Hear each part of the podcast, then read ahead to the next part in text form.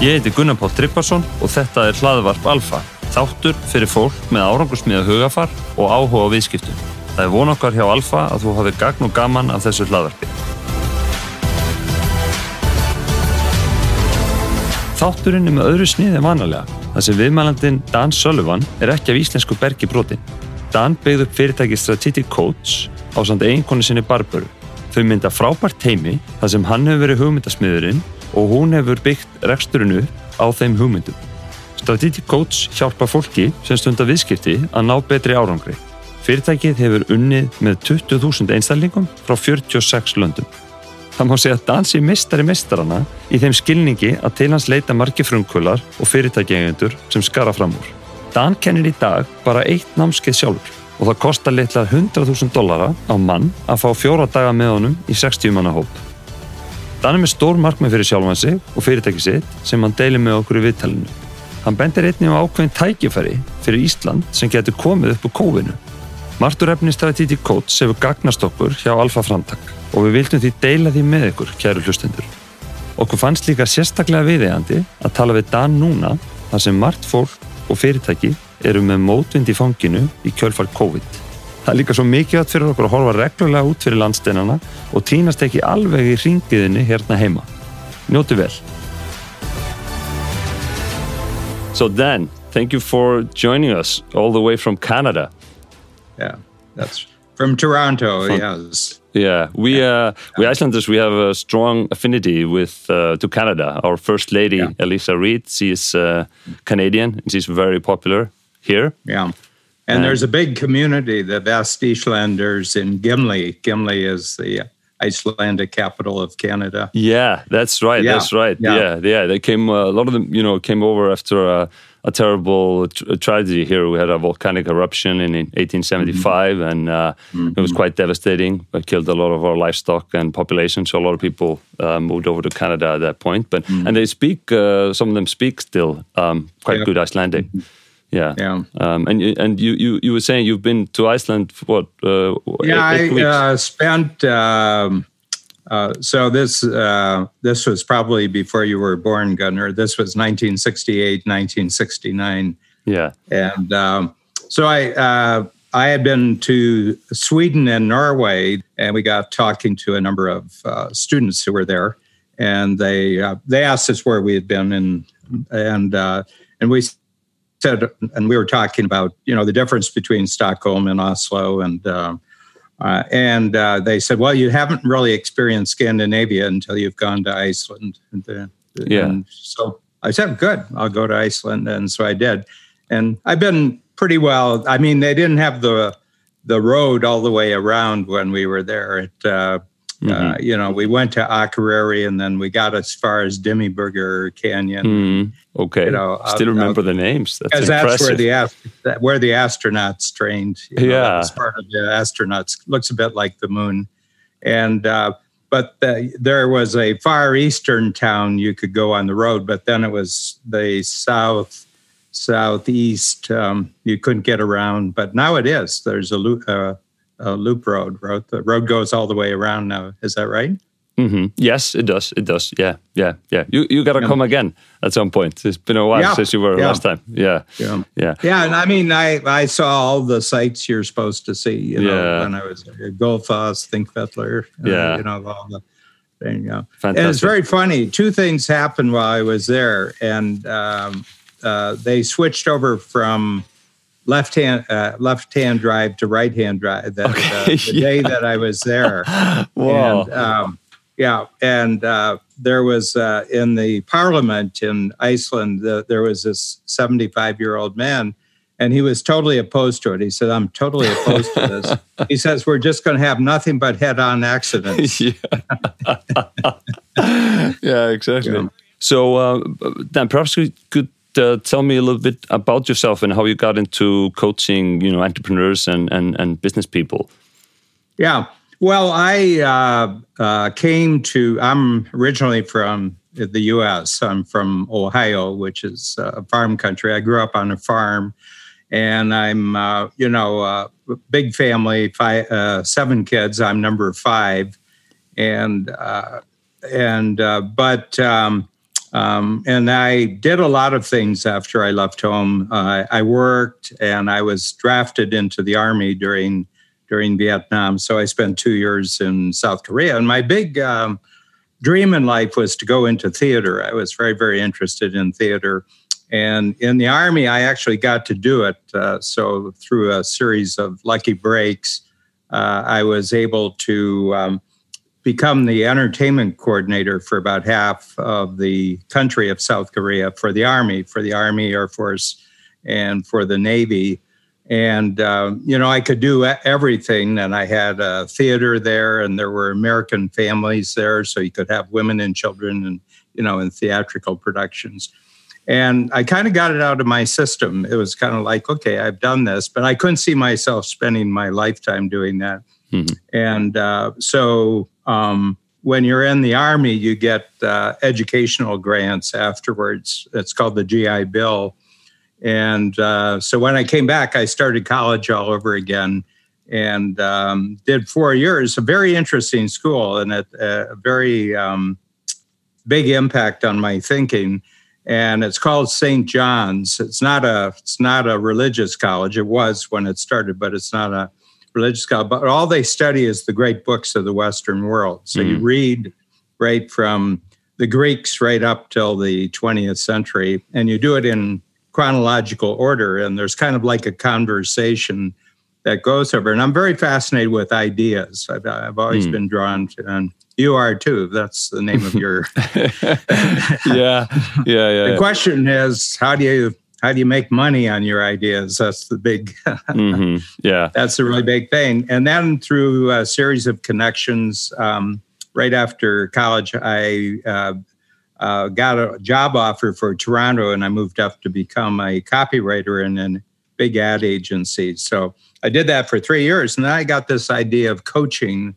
So that was 1974. So this is my 46th year of coaching, and it was just me at the beginning, but now we have 110 um, team members in our company, and you know we we coach all over, and we're going to wow. coach even more now because we're going virtual for the first time in September. Yeah, and we'll actually have virtual only workshops, and this, you know, yeah, well, I, I, would love to get into a little bit later, like uh, some of your ideas and concepts, which are yeah. very yeah. Uh, fascinating and, and and and and very actionable for for people. What's your background? Can I uh, explore explore your background? Yeah, sure. Um, yeah, so I I um, born and raised in in Iceland, um, then went to the U.S., took my MBA at the Wharton Business School, and oh then, wow, uh, yeah, and then uh, I, I was uh, with the with the infamous now infamous Icelandic uh, banks. Uh, worked there for uh, well just before uh, school, and they were, were kind of sponsoring me um, or or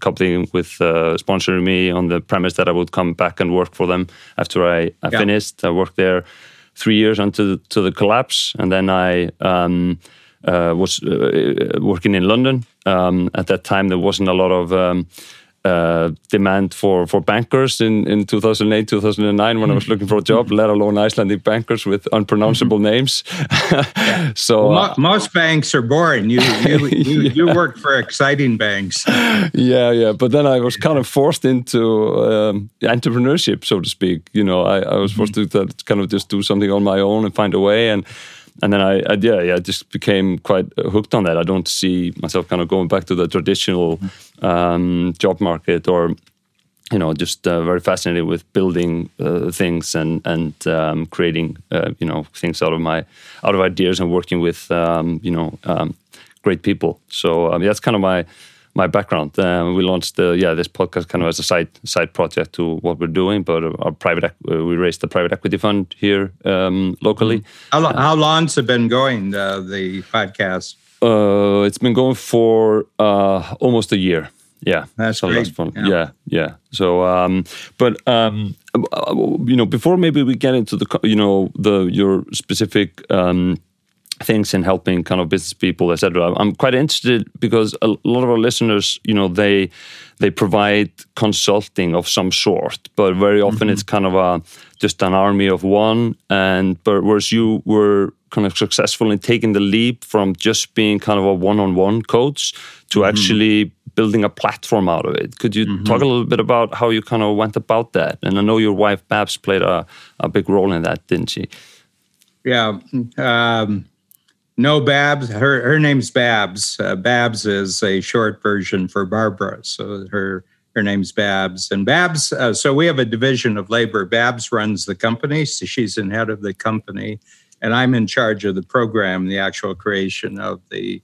Um, the, you know the the ideas that we actually use to coach the entrepreneurs and um, it started with me as one coach but now we have 17 and they do their individual workshops, uh, which were, you know, in person workshops up until March. And this uh, quarter, June, July, and August, we have 125 workshop days. And so there, it's all being done on Zoom. Um, yeah, well, uh, the, the big thing is um, um, I'm fascinated um, in people's experience and as a child, uh, uh, even though I come from a big family, I never played with any children my age uh, until I was six years old when I went to school for the first time. And so I got the knack, uh, probably about five or six years old, of how you could have conversations with adults, Hmm. you know, because I had a lot of them. I didn't have any children. And what I found is that if you asked an adult a question, um, at my when you were my age, five years old or six years old, um, what was going on in your world? And they'd talk and they'd talk. First of all, a child. Uh, I think adults are very, very attracted to children who ask them questions, and so I would ask questions. That's a very You know, intelligent lot- question for a for a six year old to ask an Yeah. adult. yeah, and I, I, I've got a very passion for history. I, I you know, it's Yeah. a natural passion for history, and uh, so my, you know, my, you know, my parents for one, and then all the people they knew, they had been in the First World War. They had been through the Spanish flu epidemic. Um, they, you know, they had been uh, through the twenties, and then the Great Great Depression, and the Second World War. And I just found this very fascinating. These were people who are at it's not like reading the book. You're actually talking to people who ha- actually had the experience, and um, and I found um, that um, I was fascinated with their experiences, and and and uh, and the same goes today. That I, I'm simply talking. You know, I'm 76 now, so I was born during the Second World War, and I find that. Um, since I was six, I've just been interested in adults' experience, especially entrepreneurs. And then I began to realize that entrepreneurs uh, had an t- entirely different take on life than people who are employees. You know, that entrepreneurs, um, you know, are, you know, they, um, they have to create value. They have to look beyond themselves. They have to, you know, uh, they can have a very good idea, but you don't. Uh, an idea isn't really good unless you get paid for the idea. Hmm. You know, and that and that's my fashion. And um, so uh, I I came up with a really really neat thinking exercise. So I was a, a coach out there, and I went bankrupt twice, and I was divorced. Hmm. And as a matter of fact, August 15th, 1978, I was divorced in the morning and bankrupt in the afternoon. okay. And uh, one hell of a day. well, yeah, um, I have greater humor about it now than I did back then, you know. Yeah. But but um, what I came to, Gunnar, and this is really interesting. I think um, this really goes to the heart of the matter.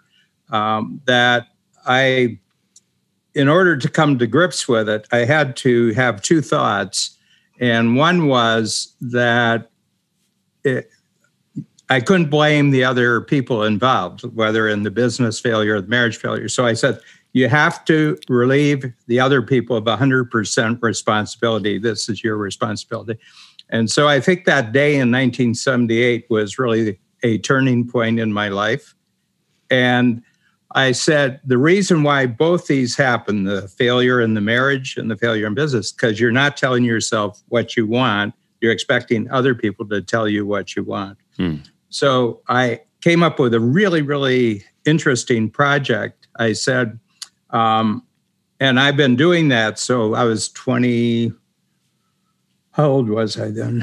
Uh, I was 34 when 34 when it happened, and I said so. I said I didn't get this right early. You know, uh, all along, other people would kind of do things for me and open doors for me and uh, uh everything. And I said, from now on, you got to tell yourself what you want. The rest of your life, hmm. you have to tell yourself what you want, and you can't expect other people to tell you what you want. And you can't hook a ride on other people. Uh, you know, you, you got to propel yourself.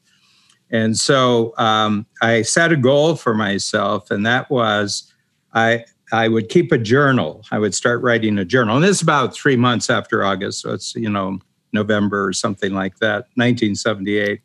And I said uh, for the next 25 years, mm. so it would be from the end of 78 to 2003. Every day, I'm going to write in the journal what I want. Mm. Okay, and um, so, long story short, I get to New Year's Eve in 2003, and I was out to dinner with Babs and a friend of mine, uh, friends of ours, two, two of them. And I said, I'm just completing a project tonight.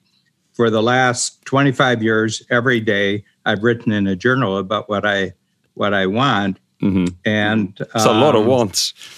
Yeah. Yeah. yeah. Well, it's 9,001. it's 9,131 yeah. days. And I only missed 12 days. I mm. only missed 12 days wow. of 9,000. But what it did is it, uh, it, you know, it was like muscles. I was building mm. wanting muscles. And uh, very, well, I'll just leave it there. But what I began to realize is that I got very, very intentional in any situation I'm in. I'm very intentional and then I noticed about you maybe, um, you know, three or four years into it, that I was very, very good at asking other people what they wanted because mm. I was good at uh, stating my. So I just used my own learning about wanting things, and I and I and uh, and I said, you know, the most successful people in the world don't go after what they need; they go after what they want. There's a big difference between need and want. So that I would say that's a very central idea of what we do in strategic coach. I, I know what you need, but what do you actually want? Mm, wow, yeah, yeah. So this really painful day of the bankruptcy and divorce really kind of catapulted your kind of thinking yeah. and drive. Uh, yeah, yeah, and I, I, yeah, I call the divorce and bankruptcy extreme market research, where, where there's where there's no ambiguity about what. Yeah. The, okay, very fantastic. But then, then, then, um, and then what you're being told. Mm, yeah. yeah. But then you and and um, and your wife, you really kind of built up strategic coach to where it is today. Yeah, yeah, yeah. And, and it's very, uh, very interesting. Uh, that uh, so in those days, because you know we were still in religious days where marriage and things were controlled by religious things so in Canada at that time, you would become separated, and then it's three years before you would actually get the divorce. So it was called a separation, and then hmm. three years. Mm-hmm. So the day that the divorce came through, 1991, um, I um, I went to a cafe after the divorce came through, and I said. Uh, I'm going to get married again, but I'm never going to get divorced again. mm, yes and uh, it was very painful. I mean, I, I laugh about it, but it you know it really hit me hard. Mm. And um, I first of all, I'm someone who needs to be in a relationship. I'm I'm not really all that good on my own, mm. and uh, so I wrote down and I said, the next time I get married, this is what I want in the relationship, not who the person had to be, but just the relationship. And uh, I wrote about 10 things out. And one year to that date, so this was August 13th in 1981, one year to this date, I'm at a conference. It's like a hmm. weekend mm. conference, you know, a seminar. And I got there late and there was only one seat. And I sat down and there's a very tall redheaded woman sitting mm. next to me. And I looked up at her and, and she said, What are you looking at? And I said, I said, I'm looking at you. And she said, like what you see? And I said, yes, very much. That, that's that's the beginning. Yeah, she's got hair like yours. Oh, I mean, okay. the hair, the hair, is kind of like yours, and we're a perfect um, we're perfect team members. Mm, we're perfect mm. team members. Yeah. And um, so that's anyway, fantastic. and then um, she had her own business, but about two years later, she said, "Look," she said, um, "I'm really much more interested in your business than I am in mine, and um, yeah, yeah. Uh, let's do it." So uh, we put it together, and I. Uh, so one of the central concepts, Gunnar, in Coach, and I actually have a book coming out in October, uh, major market book, uh, which is called "Who Not How." Mm-hmm. Okay, so the the the essence here, and this is really, uh, uh, you know, you talk about a crucial idea. The wanting is really really important. I mean, that's a very central idea. They just what they want because they think they might not get it. Mm-hmm. And I said, well, I can guarantee you, you won't get it. Say if you want it. Yeah. so I, um, so here, here, here's the essence that entrepreneurs, and I'm talking about this is who I deal with as entrepreneurs. One of the things is that you notice in you know, like you move from being an employee of the bank to being an entrepreneur. Mm-hmm. Well, it's a sea change. I mean, it's, yes. uh, it's I mean, it's totally different. But you have goals, and we get excited about our goals. But immediately after we get excited by our goals, we get hit with something, mm-hmm. and that is, how do I get there? What, what's the how? Yes. Okay. And um, and it's very crucial there at at that point when you see the goal, you know what the goal is, and it's great, and it'll be really great but you're not the who to do the hows. You have to get other who's to do the hows. Yeah. And this is the crossover between one person entrepreneurs and companies is that the per- person who, who actually creates an entrepreneurial company um, is they love the goals and it's their job to have the goals and talk about the goals. But when it comes to the doing, okay, the how, you mm-hmm. your mind immediately switches. Now, who can I get to get interested in this goal? And mm-hmm. this, and yeah. And it's finding, is, yeah, and it's finding the people around you as uh, with, uh, and it's really narrowing down to the unique ability, which is one of your your key key yeah. concepts that you yeah that you um, that you defined and developed, and and and with your business, it seems like you know you're isolating um, for what you do best. This is a generation, you know, of ideas and and writing of the books. Uh, mm-hmm. Wanting what you want is one of your books that I've that I yeah. that I read. Want, wanting what you want is yeah yeah yeah. yeah. And so the so the key thing is that the difference between let's say a computer programmer who's got you know he's one person and Steve Jobs is that Steve Jobs never did the how. You know, Steve Jobs, Mark Zuckerberg, you know you can name it well how did they get so big well they they didn't do the how yeah they were the who who could say what we're going to do but they so the job of the entrepreneur is to create in other people's minds a bigger future mm-hmm. that they can participate in mm-hmm. so i would mm-hmm. say that that's really the key the who not how yeah and yeah. and and i see people very very frustrated you know they they've got really great skills but they try to do everything and we're, we can only do certain things really well. What would you say? I mean, I'm throw it over to you. Um, you know, what have you identified since you went from the bank to being now? What what what would you? And I'm going to ask you the question: What really fascinates and motivates you? Like, what's the type of project? What's the type of future that you're fascinated and motivated uh, with it. So, what would you say? Yeah, I mean, I would say anything that gets my creative juices flowing. You know, I, I took uh, after you know taking your your um, your course or your first year in your course, I, I, took like the Kolbe exam. I had all my team take that. Um, exam was very useful. We had great conversations around that. I was uh, the only one. I had a uh, you know very quite different profile to the rest of the team. I had a very high quick start. I believe you were the you were the same.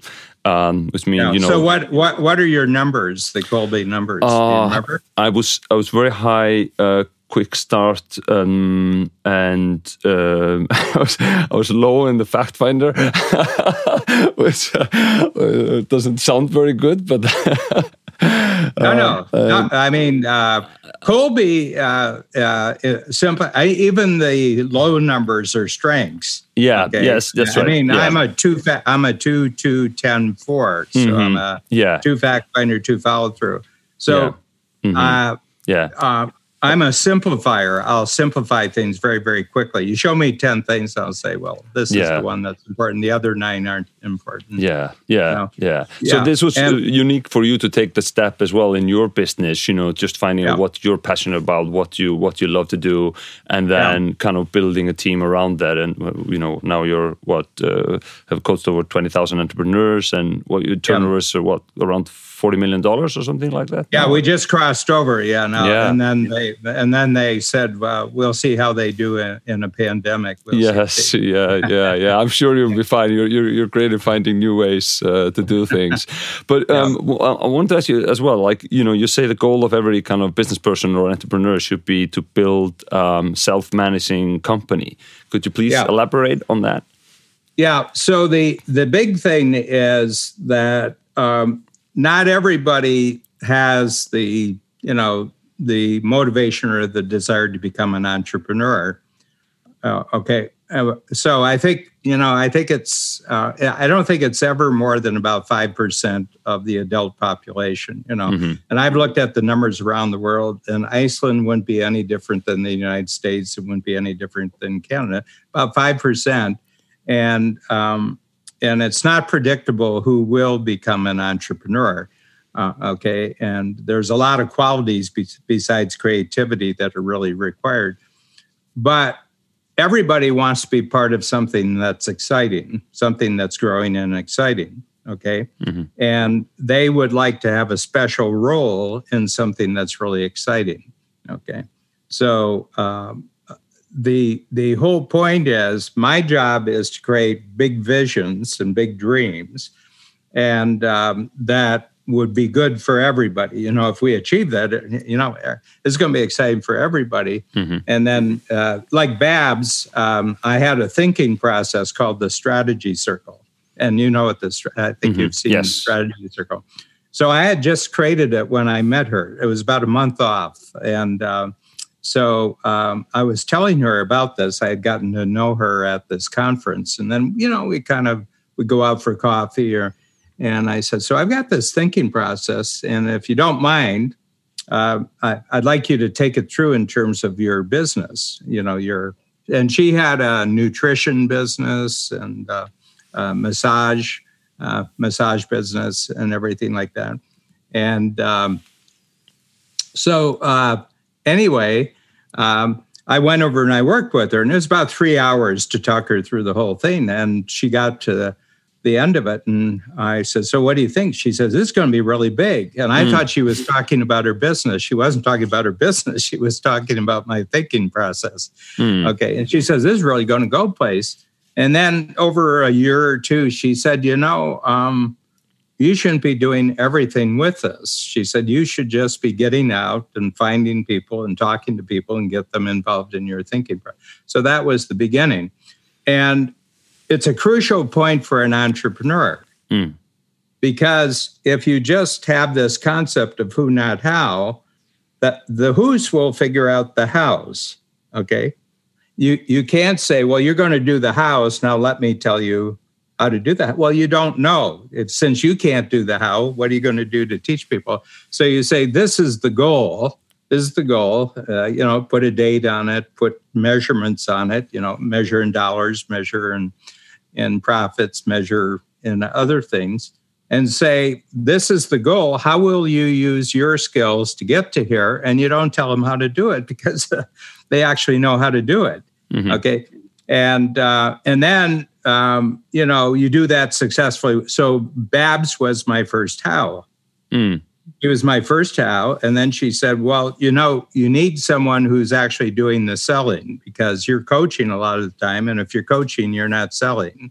And so she, we got a, so our first, um, you know, our first sales, first uh, other person was a salespeople. And then we needed somebody to do the you know the accounting and the back uh, backroom stuff. And we needed computers because computers were becoming possible. So we hired a 17 year old who was good at computers and one thing led to another, you know, and we've just grown and grown and grown and grown. And, uh, you know, we have teams in London, we have teams in Chicago, we have a team in Los Angeles, big teams here in Toronto. Mm-hmm. And, uh, and anytime you're pushing your goal higher, it's going you're going to require new people who have hows. And you, they can get so good at it and they can get so good at working with each other that they become self managing. You mm-hmm. give them the goal, they'll work out everything that's necessary to get the goal. So I'll give you an idea. On March 13th, I was in Chicago, I was coaching, and but I'd noticed the workshops in Chicago that week were about half filled. Mm-hmm. Okay. So we were getting this feeling, you know, what's going on. And, uh, you know, and uh, the people who showed up were happy, but they were saying their families were worried. You know, they were worried about them traveling. So uh, Babs and a key person got together and they said, you know, we're going to have to close down the workshops until June. On Monday at home, everybody was plugged in. And then within about 10 days, we started going out with Zoom calls, which were uh, two hour sessions. So we had these two hour, and I did about 25, the company did by 100. And then we were planning either we're back to normal on June 1st or we're going to have to be Zoom. So we constructed a six hour um, Zoom workshop, mm-hmm. and it works really great. I mean, it, it, works really, really great. You know, it's not in person, but it's uh, it's really great, and I love it. I mean, I love Zoom. You know. Yeah, yeah, but yeah, that, uh, I mean, but that, that, that's a great example of you know your business. It, it faced um, you know difficulties due to kind of travel because you're so depend dependent on people oh, showing totally, up for totally. the workshops, and you found uh, you know different way to tackle it. Like, uh, I mean, we have that situation here in Iceland, like in the rest of the world. You know, a lot of uncertainty for people. You know, either you know in their jobs, you know, whether they're either lose, losing their job or the risk of of losing their jobs um, or with business owners and uncertainty. I mean, what what would your advice be to people that are that are dealing with these difficult challenges, like how they should kind of go about uh, approaching them? Well, the, the, I think one big thought we're not going to go back to normal. mm, mm-hmm. You know, people said, "Well, when things get back to normal," I have to tell you, things aren't going back to normal. There will be a new normal, but the new normal won't be like the old normal. Okay.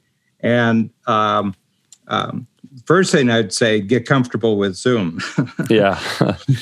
mm-hmm. And uh, and uh, my feeling is that uh, this is not a temporary solution to anything. I think the the world that you and I are, you know, we're talking in right now. This is the future. Yeah, this is the future right now. Mm-hmm. And it's got different rules, you know, like we're noticing the Zoom workshops are very different from the in person workshops. You really maximize breakout rooms. You know, I, I, just make sure, you know, that people are breaking out. And I've noticed the design of the workshops, the thinking processes, everything shortens. You have to do everything really, really fast. Mm-hmm. And, um, but we thought about it. We have our existing workshops that are Zoom but then we said, well, why don't we just try it out where the whole program is Zoom? You know, like uh, it's never in person. And it was funny because we opened up the communication for this just two days ago. And the first person who signed up was from Venezuela, you know. Mm-hmm. And, mm-hmm. Um, but he said, make sure you send all my mail to Florida. Yeah. yeah. Yeah. Yeah. Yeah. So, so must, yeah, so, so must go go back. So I think this is a brand new world. I, I've never seen the world make such a uh, technological shift in such a short period of time. I mean, like Zoom was 10 million users on March 1st, and now it's 375, 375 million users. You know, yeah. 10 million. And I said, I I hope they're taking some free time. Those guys. You know? Yeah, yeah, yeah, yeah. I was listening to an interview with the CEO of um, or the founder of um, of Shopify. You know, who's obviously they've taken mm-hmm. a big big leap now during this crisis. You said uh, 2030 came 10 years uh, earlier. Yeah. You know, but but it's uh, as you say. I mean, you're you're with your business, you're thinking about okay, this is you know having the mindset of okay, things are different, and how can we adjust to it? But also might there be opportunities to well, you know, provide even better. I mean, look service. at it from look at it from Iceland's standpoint. I mean, Iceland's in the middle of nowhere yeah mm-hmm, quite mm-hmm. frankly you're in the middle of yes. nowhere you know and um, and the only thing you need to know about Iceland is that it's green and ice. Iceland, uh, Greenland is ice. Yes, and, we hear uh, that all the time when we go to the US.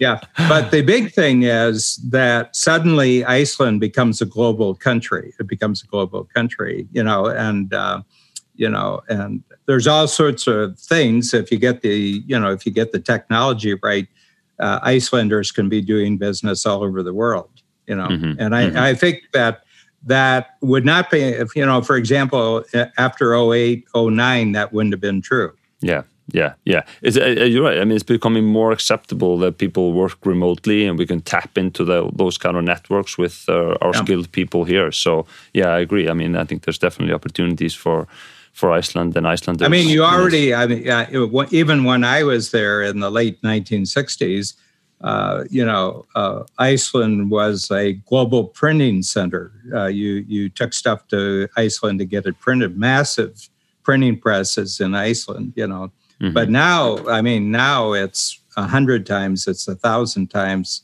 more. Um, you're more capable of dealing with anywhere in the world, mm-hmm. and actually being between Europe and North America is actually uh, an advantage from the time frames because yeah. We don't operate in locations, we operate in time zones. Yeah, yeah, yeah, exactly.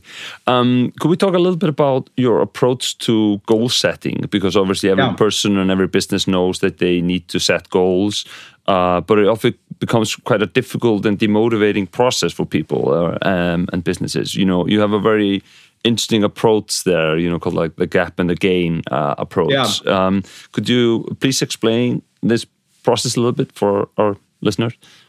Yeah. Well, first of all, uh, what is a goal? You know, the big question, what is a goal? And people uh, tend to think of goals as something outside of themselves that they're trying to get to. You know, I mean, mm-hmm. and I said, uh, I, find, I find the best way to think about goals, it's you in the future. Okay. It's, it's the goal setter in the future. You're just uh, creating a picture of your future self. So what's the difference between you a year down the road? Let's say it's uh, you know it's um, June uh, June of 2021, mm-hmm. and you say, well, pick the date. It's the 18th of June, one year from today. Uh, what's the picture that you have of yourself? And uh, and, and they said, well, this money. No, I said, uh, money is part of the description. It's one of the colors that you're painting the picture with. Money is one of them. That's great. And, uh, and so what I find is that when you get people to think about their goals as themselves in the future, mm. then they can measure backwards. Like you can go a year out, measure backwards. What's the difference? Uh, how are you bigger? How are you better? And everything else. And so that, what that does is it doesn't make it something that's outside of it's not hmm. outside mm. of yourself, it's inside of yourself. You're just using time as a form of measurement here. Okay. So once you do that then remember that when that you have the goal and then there'll be smaller steps, you know, what are, what are we going to do for the next how are we going to get started? What's going to be true of 30 days from now? And you you can but it has to be measurable you know and the biggest thing about a lot of people they don't actually have goals. They have slogans or mm. they have you know they, they it's um, their their wishes their daydreams. And the only thing that makes a future thought measurable is that you have it can be measured. And there's only two ways you can measure a goal.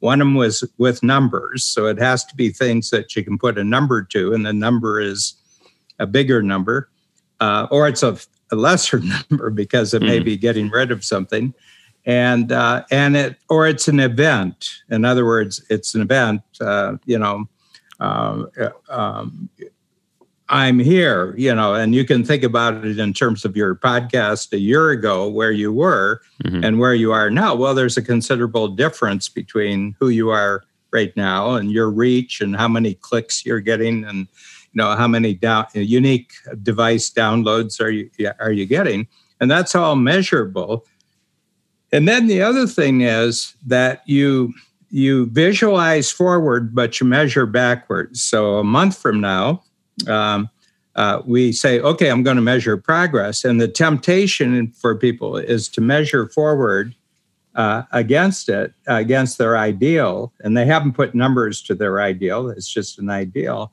And uh, it looks like you haven't made any progress at all. You know, mm-hmm, mm-hmm. and uh, I notice people that they live out of their ideals. Uh, ideals are, are like sunlight. You know, the uh, you can't measure the sun. You know, you can't measure the sunlight. It mm-hmm. just gives illumination so you can have a goal that you can see. So what I always say is the moment you get to one month out, measure backwards where you were a month ago. Mm-hmm. And you've made progress. You've you've made progress. And I never allow myself to measure forwards. I, I yeah. only measure myself backwards. Yeah. Okay, I, I, that, and that's and um, people, you know, people can be incredibly successful from the outside. And, uh, you know, the, lots of people, you say, God, but they don't see themselves as a success because they're always measuring against some sort of ideal. Mm-hmm, mm-hmm. Yeah. yeah. What, I, what I really taken from your, you know, kind of teaching is your material, which uh, which we use, for, for example, in my team, we start every Monday morning we have uh, an hour we we set kind of the the goals what we want to achieve for the for the week but we always start the meetings with uh, the positive focus you know, you know going over what was so positive in the previous week and it's amazing what it does for the energy kind of in, oh, the, yeah. in the room. And it's a fantastic even when we've had really you know tough uh, previous weeks just forcing ourselves to go through you know the positives. And it's always just the stuff that kind of comes up that yeah. and fantastic. And what, what I use per, on a personal level as well is I have your are you, mar- are you married or yes I'm married. Yes yeah. Yeah happily uh, it's fantastic with marriages you know that you uh, frequently you have a positive focus and you know, and it's really easier these days because people have really been at home, mm-hmm. and uh, and especially with children, uh, at the end of the day with a child, say, "What's the most exciting thing that happened today?" Yeah, you know, and they say, "Well, nothing happened." You say, "Okay, nothing."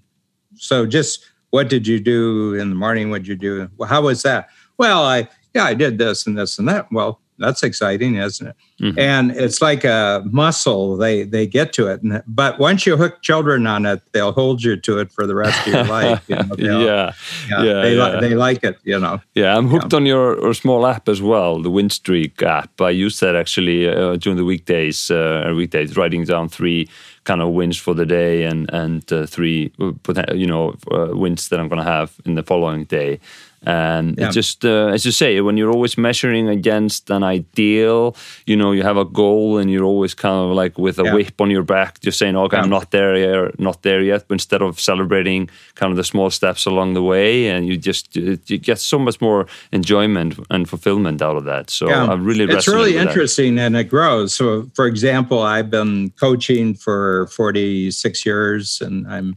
76. And uh, the goals I have for the future are incredibly bigger than when my goals were 56 or 36. You yeah. Know, you know, and you know my lifetime. I mean, I don't know if you've read my lifetime. Yes, book. yeah, we got to get into that. You know, you you should have. I'm not even. You, I'm not even. I'm not even at halftime. I'm not even at halftime. Yeah, yet. exactly. Yeah, you should have retired ten years ago. Didn't you get the memo? Yeah, I did. I did. but yeah, let's talk about that. You have a, a, a, you know, a very, very interesting goal. You know, uh, some would say outlandish, but it's very interesting. You you you plan to live till you're 156.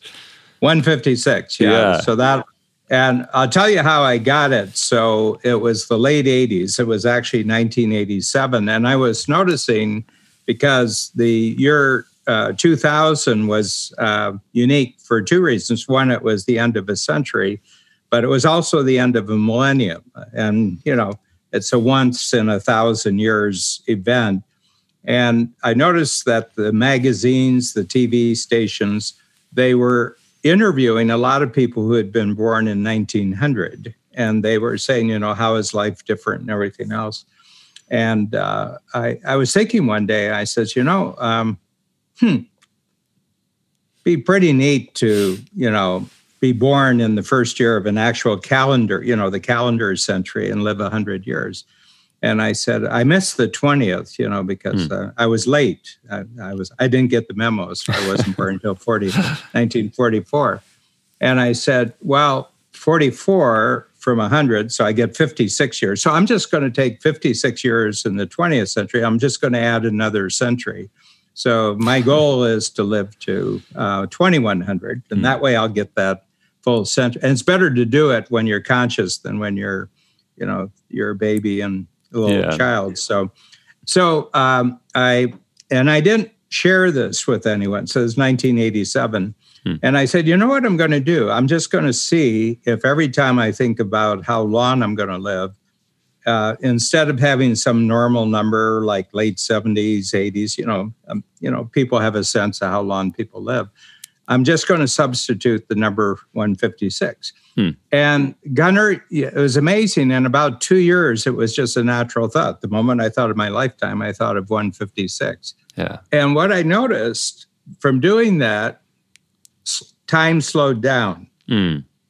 Time just slowed down because um, um, there was no urgency about anything. What I noticed, all the urgency of, oh, by this age, you have to get this done. By this age, you have to get this done. And I said, no, no, I got all the time in the world. So that's one insight. But the other thing is that I noticed I started taking care of myself. Just, mm. uh, you know, I said, you know, um, the way the you know, the way you're drinking, you aren't going to make it to 156. You know. yeah, you got to use this body for 80 more years now. yeah, yeah, and uh, and so uh, about five years in, I mentioned it to Babs. Um, you know, I just kept it a secret. You know, not, uh, it's not easy for me to keep secrets, but I kept this one a secret. And I said, um, you know, um, this is really changing my thinking about how old I am right now. You know that uh, and so I'm 76, but against 156, I'm not even halfway there yet. Mm-hmm. Okay.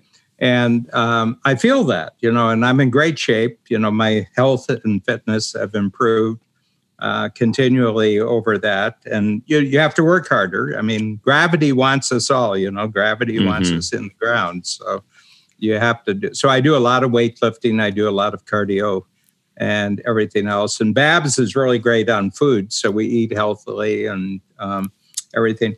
So then I started doing it with the entrepreneurs, and Gunnar, I have to tell you, it was like boom, yeah, boom, you know. Yeah. And I get people. I said, I said, you know, and there's an exercise uh, exercise we do, and you've done it. Uh, yes. You've done the exercise. Yeah. And you simply say, okay, write down when the you know the age at which you're going to die and everybody knows it and i you know i've been told all my lifetime uh, you know nobody knows how long they're going to live and i said yet every time i ask the question they know exactly how they're going to live you know mm-hmm. you know the, it's family history or it's you know something or actuarial tables or whatever but everybody's got a notion and i said okay you, you're 85 you're going to live to 85 and Let's talk about 84. How are you when you're 84?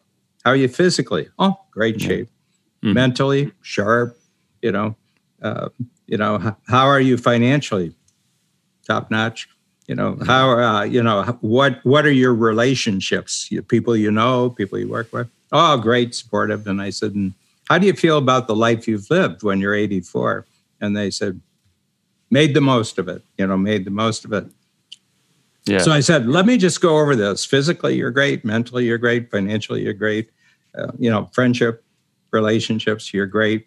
And you, um, uh, you know, and um, you got, you know, you've just done really, really great. You're proud of your life. So if you were that way at 84, what do you think the chances are you die at 85? Mm-hmm. Mm-hmm. mm-hmm. Yeah. Okay. Yeah you know. Yeah. Uh, what I what I found so inspiring about doing it, I don't know if I'm gonna beat your number of 156, but you know, uh, was uh, like your, your your motto of like you know always make your future bigger than your past, yeah. and that people really start to get old when they just run out of future. Yeah. Um, and I just found that so inspiring, and it kind of just with um, society, just kind of decided that when you're kind of 65 or so, you're you're officially old and you should be winding down. And versus you, you're 78 76 Six, and, and it's so 76, yeah. so inspiring that you have you, your business has never done better than than in the last Yeah. 10 years and then your goals for the next Can I tell you what my goal is for uh, age 100? yeah please please So I'm 24 years. I just, you know, I had Yeah. a birthday a month ago, so I'm 76. So I have about 24 years. And uh, so strategic coach, I have three levels: uh, signature program, 10 times level, and we have a new level which is called free zone. And free zone is where it's not about competition anymore; it's about collaboration. Mm. Okay, so. Uh, it's not about the money it's about creating something brand new by taking this capability and this capability put it together and i have about 50 in this new program and they're they're just doing really really really interesting things so i said we'll just grow we've always grown so my goal is that by uh, you know by uh, 2044 that's my 100th birthday I said, um, well, I'm going to have at least a thousand and a thousand of these. I call them free zoners. They're free zoners because you have a business that's free of competition. And for the most part, it's free of regulation because nobody can figure out what you're doing. Mhm. And, um, and I said, the GDP of our network, these thousand collaborators and all the collaborations they have with other people. Um, so we were 15 billion last year if you put the all of our um, revenues for all the you know revenues for all the coach Mm. entrepreneurs. Yeah. Um, it was about 15 billion. Mm. okay so this was 2600 2600 people so it's about 15 billion. And um, and uh, i said um, i can see it going a thousand times. So fif- uh, 15 uh, you know 15 billion times a thousand is 15 trillion so i said so my goal for the gdp Mm. of our network is $15 trillion. And I said, so, you know, the US is there. Who, who knows what else there's. Mhm. Uh, but um, this would be a really interesting for an entrepreneur to be part of this network of $15 trillion. And that means it's just all capability, it's all opportunity, and everybody speaks the same language and everything. I said, that'd be neat. And and I think it's gotten speeded up by going to Zoom because I think just a lot of the communication be by Zoom. And I'm sitting there and I'm just so excited now. How do I yeah you know what do i have to create create over the next 24 years to see if we can get this gdp Mhm. so i'm uh, you know i'm picturing dan and uh, at 100 years old and i said wow this is great and everything like that Mhm. but my feeling is you have to in your mind give yourself room uh, from the standpoint of how long you could live you know how long you could live and Yeah. even there at 100 i still got another 56 years you know Yeah, that's fantastic. And you say as well that it's easier to grow 10 times than two times because in two times you are more incremental in your thinking instead of kind of, you know, requiring you to think. and maybe it's easier to grow thousands. Yeah. Yeah. Yeah. Yeah. Well, that's uh, that's fantastic. fantastic. Just one final question, then. Um, I know you're not a big fan of um, meetings. You know, you hardly want to take any any meetings, and you you you basically uh, avoid taking meetings by by doing kind of a filter ahead of Yeah. meetings. Could you maybe just explain that because you know a lot of our listeners are, you know, they're in their businesses and Yeah. they're in meetings, kind of the you know for most part of the day. Yeah. So a strategic coach is uh, kind of a universe of thinking tools for entrepreneurs. If you're in this situation, uh, think about it this way. If you're in this situation, it's all about entrepreneurs thinking about their thinking. So what I notice about meetings is um, uh, if someone wants a meeting uh, for me, uh, you know, a team member wants to have a meeting with me, uh, I notice that they they've come to delegate delegate to me to do the thinking. Okay, Mm. you know, they, they, you know, they they walk in and say, you know, I've got a problem. I wonder if, uh, um, you know, you can think this through for me, so I don't have to think it through. Hmm. So uh, what I tell them, it's a little form, and uh, we'll send one through so that you can Mhm. see. Uh, and I actually have one of the books. It's called the, um, uh, you know, the uh, remarkable, the extraordinary impact filter. It's called the extraordinary filter, and you can get that off Kindle. And uh, anyway, so what you have to do is you have to say, This is the project that I want to talk about. And then you say, and in this project, if you do the short form, which is the fast filter, it's called the fast filter, this is the best result that I'm shooting for. And you have to say, well, it's sort of wanting, you know, this is mm-hmm. what I have. And this is the worst result. Okay. So you have to show the difference between what you want. And if we don't do this right, this, you know, it's going to, you know, it's going to be more of a problem. We're, we're not creating a solution, we're creating a problem if we don't do this right. And when it's finished, these five things will be true. This will be true, this will be true, and these have to be measurable.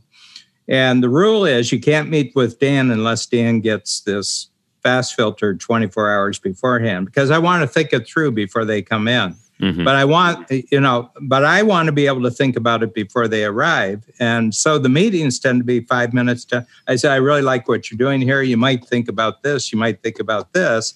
And this, now we're 60 seconds into the meeting and people, so this, I can recommend this. You can go talk to so and so. They they they can do this part for you and everything else. Mm-hmm. But they've given they've given themselves a chance to think. They've given me a chance to think. So the meetings are very short.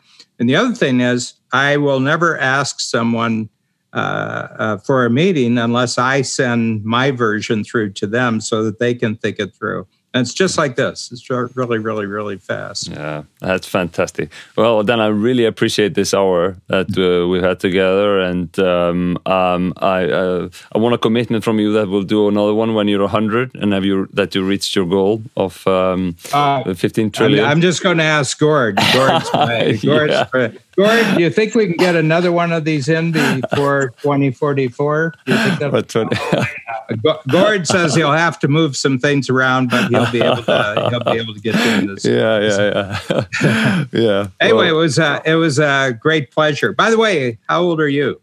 Um, I'm 42. 42. Yeah. So uh, you're looking good. You're yeah, looking good. Thank you. You're Likewise, looking... I hope I'm able to look, uh, you know, as good as you, do uh, when I'm when I'm 76. Yeah. yeah, yeah. So I I think it's good, but I think this, you know, the thing is that I think people start dying when their past is bigger than their future. Yeah, yeah, exactly. Yeah. Well, your yeah. future is certainly bigger than your past, even though your past is, is quite remarkable as well. Dan, thank you so much and, um, and take care. Appreciate it enormously. Thank you. Kæri hlustandi, ég vil þakka þið fyrir áhörðina. Við erum mjög stolt af þeim frábæru viðtökun sem Alfa hlaðvarp hefur fengið og það er okkur mikið kvartning fyrir framhaldið. Ég vil kveita þig kæri hlustandi til að líka við Alfa Framtags síðuna á Facebook eða LinkedIn. Þar tilkynum við um alla nýja þætti þegar þau koma inn og setjum einni ímislegt viðbótarefni sem við teljum að geti gagnast þér.